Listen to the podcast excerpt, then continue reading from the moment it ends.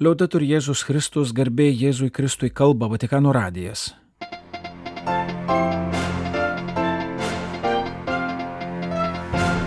Malonus klausytojai šioje programoje. Popiežiaus audiencijos, Romos labdaros organizacijai, Italijos katalikiškai medijų asociacijai ir popiežiškai gyvybės akademijai. Apaštalinis nuncijus Ukrainoje Visvaldas Kulbokas aukos mišes Berdyčevo, mergelės Marijos šventovėje. Nušautas Junktinių Amerikos valstijų vyskupas. Mongolijos katalikai laukia popiežiaus vizito.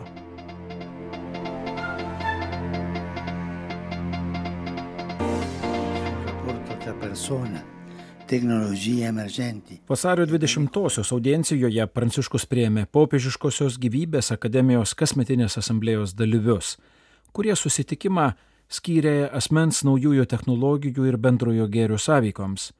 Popiežiškoji gyvybės akademija šią diskusiją surengė atsiliepdama į dar 2019-aisiais popiežiaus sveikinimo laiške akademijos 25 metų įsteigimo proga išdėstytą prašymą. Tuosik šventasis tėvas pažymėjo, jog informacinės ir ryšių technologijos, biotehnologijos, nanotehnologijos, robotika pasitelkus naujausius fizikos, genetikos ir neurologinių disciplinų rezultatus bei vis galingesnius kompiuterius gali vis labiau paveikti gyvus kūnus, žmogaus kūną įskaitant. Šis poveikis liečia ne vien paties kūno veikimą ar funkcijas, bet ir asmeninių bei socialinių santykių formas.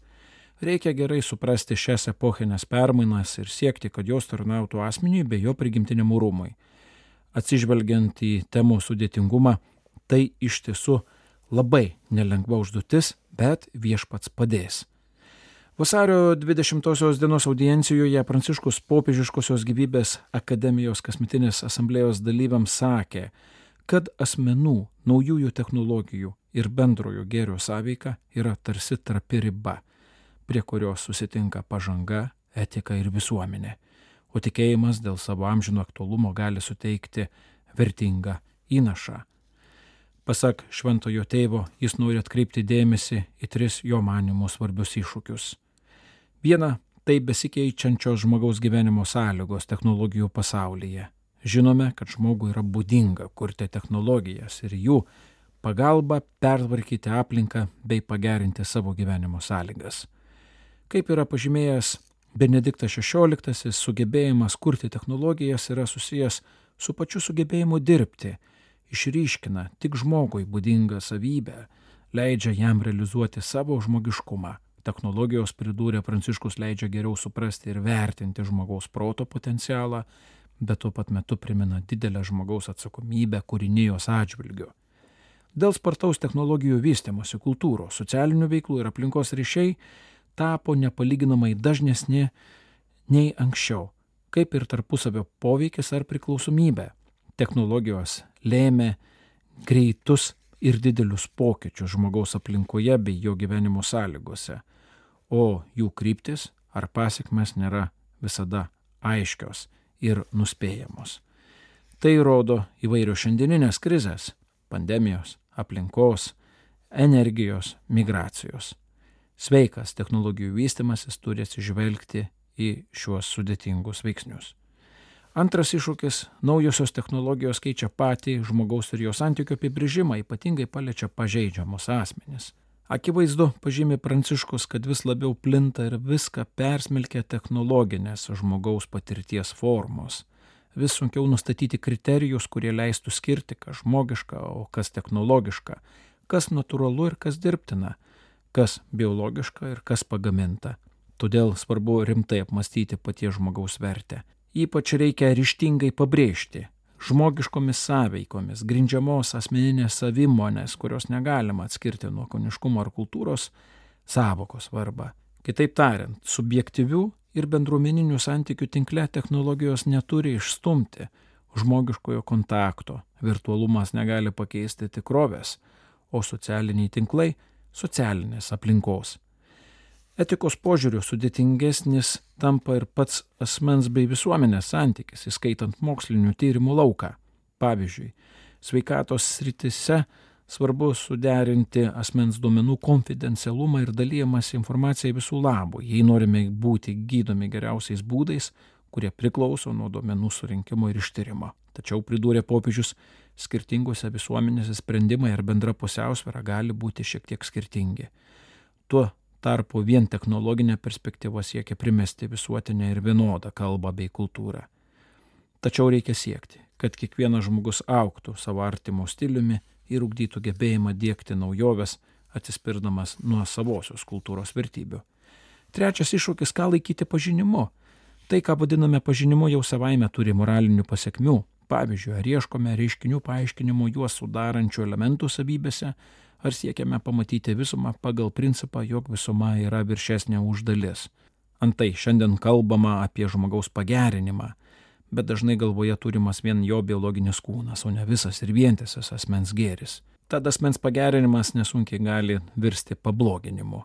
Reikia akcentavo popiežius taip pat naujo mąstymo teologijos rytyje, viršijančio apologetinį požiūrį ir prisidedančio prie naujo humanizmo apibrėžimo, skatinančio mokslo, technologijų ir visuomenės tarpusavio įsiklausimą. Pirmadienį popiežius Pranciškus priėmė prieš pusantro šimto metų Romoje įkurtos labdaringos organizacijos Šventojo Petro draugijos atstovus. Ši organizacija Romos mieste išlaiko labdaros valgyklas ir benamių nakvynės namus, remia studentus, parūpina nakvynę šeimoms, kurių vaikai yra gydomi kūdikėlio Jėzaus pediatrinėje ligoninėje, taip pat tarp savo narių kasmet praveda Šventojo Petro skatiko rinkliavą popiežiaus labdaros darbams remti. Patys draugijos nariai kaip savanoriai dirba savo išlaikomuose centruose. Su Šventojo Petro draugijos nariais popiežius paprastai kasmet susitinka Šventojo Petro sosto šventės dieną vasario 22-ąją. Šiemet tai bus pelenų trečiadienis, todėl tradicinė kasmetinė audiencija surinkta anksčiau. Dėkoju Dievui už viską, ką gero darote, tarė draugijos atstovams Pranciškus. Mes puikiai suprantame, kad tai Jis, Dievas, suteikia jėgų daryti gerus darbus. Bet taip pat dėkoju Jums, kurie stengiatės, aukojate laiką, energiją, kūrybiškumą, kantrybę, atkaklumą. Aš stebiuosi matydamas, kiek daug Jūs nuveikėte. Ne tik dėl atliekamų darbų skaičiaus, bet dėl to, kad už skaičių slypi daug veidų, istorijų, daug žaizdų ir skaudulių. Paminėjęs kai kurias Šventojo Petro draugijos veiklos rytis, popiežius šiuos darbus atliekančius žmonės pavadino mūsų dienų geraisiais samariečiais. In società spesso inquinate dalla cultura dell'indifferenza, dalla cultura dello scarto, come credenti siamo chiamati ad andare controcorrente. Visuomenėse, dažnai užterštose abejingumo ir atstumimo kultūros, mes, tikintieji, esame kviečiami eiti prieš srovę, liudydami švelnumo kultūrą. Tai yra rūpindamiesi kitų žmogumi taip, kaip Dievas rūpinasi manimi, tavimi, kiekvienu iš mūsų, sakė Pranciškus. Popiežius prašė visada atsiminti dar vieną esmenį dalyką.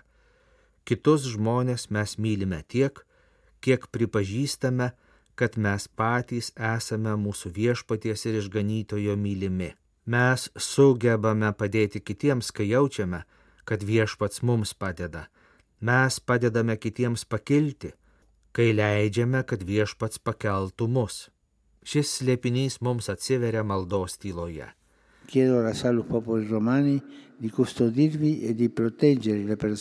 Galiausiai popiežius meldė Dievo motiną, romiečių globėją, Salus Popoli Romani, kad jos globa lydėtų Šventojo Petro draugijos narius ir žmonės, kuriems jie tarnauja. Pirmadienį vasario 20 dieną popiežius Pranciškus priėmė Italijos katalikų teatro, kino, radio ir televizijos darbuotojų organizacijos atstovus.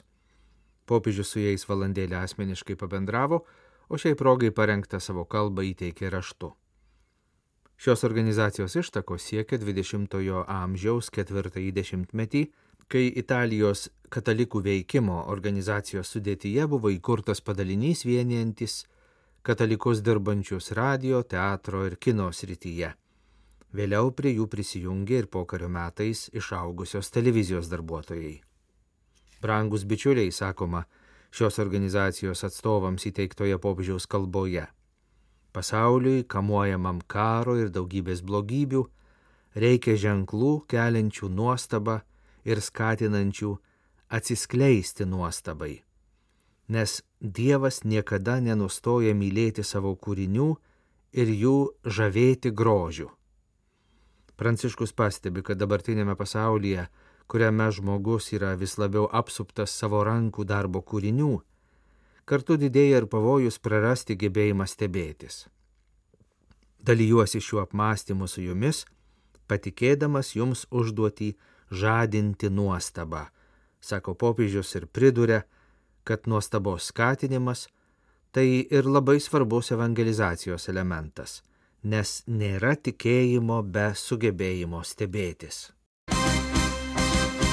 Penktadienį vasario 24-ąją Rusijos invazijos į Ukrainą metinių dieną Ukrainos katalikai melsis ir pasninkaus, prašydami Dievą teisingos taikos malonės.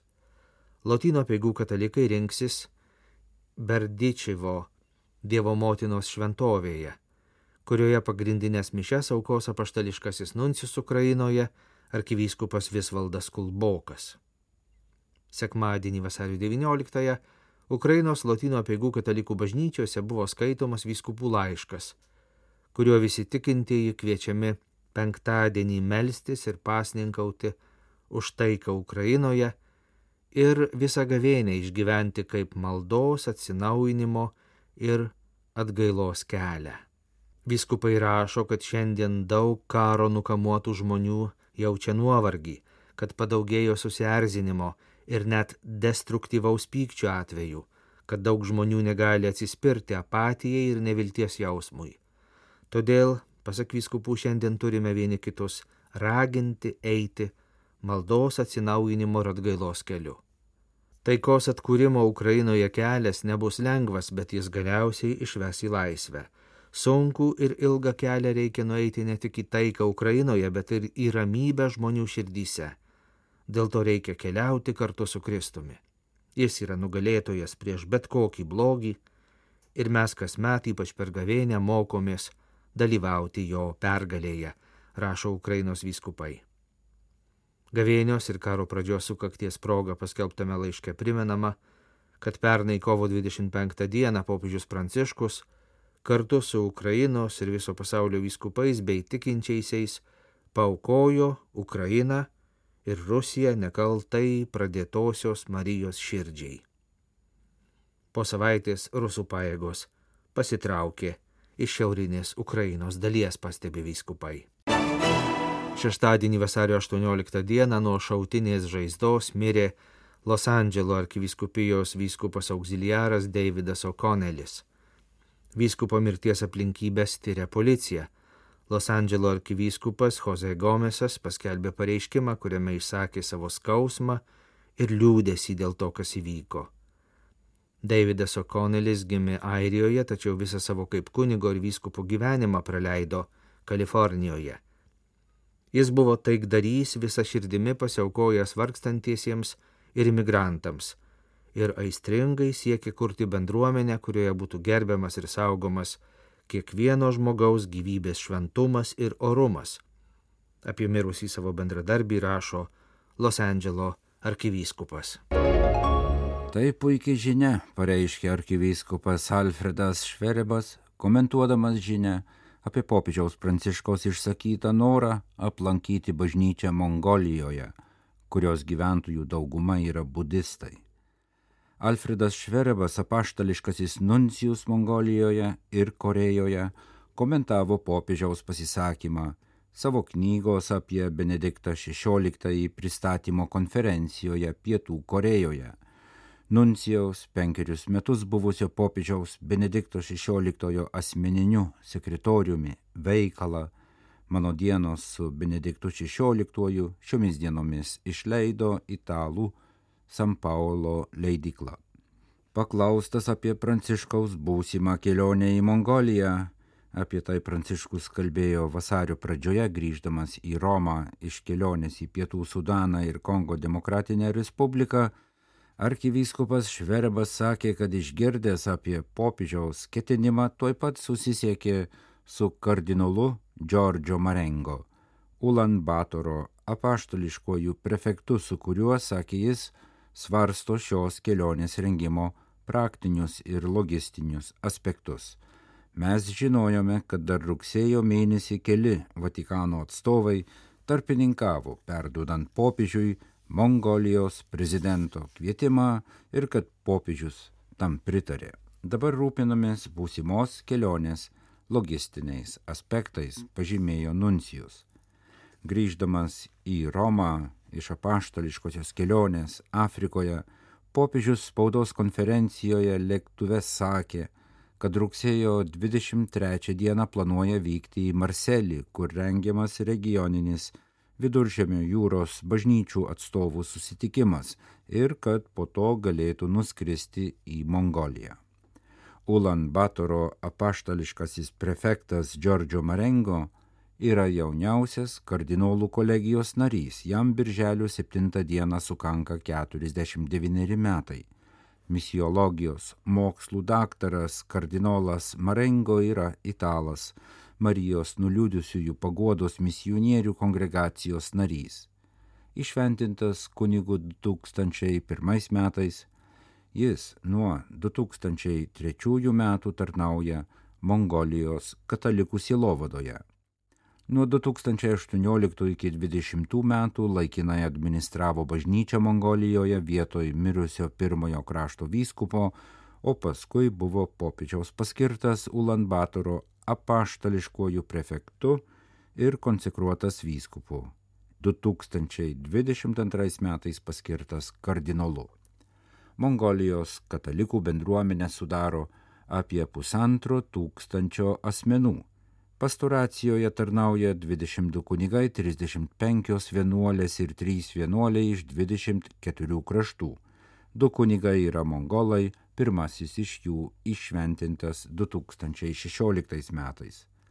Popiežius paminėjęs galimybę dar šiemet nuvykti į Mongoliją, kalbėjo apie savo kriterijų Europoje lankyti mažus kraštus. Mažus kraštus daug ko turinčius, bet mažai žinomus, tarsi paslėptus. Mano kriterijus - stengtis nepasiduoti abejingumo globalizacijai.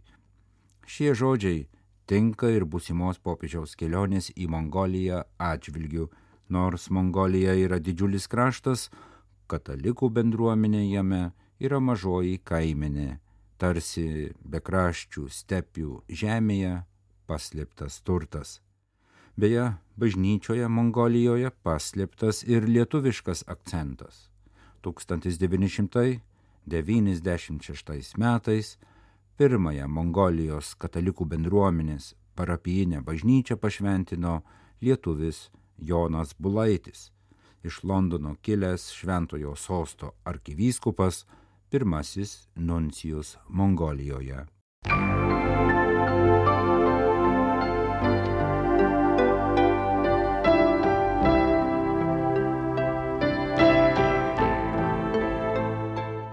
Malonus klausytojai laidą lietuvių kalbą baigiame. Kalba Vatikano radijas. Garbė Jėzui Kristui, liaudai turi Jėzus Kristus.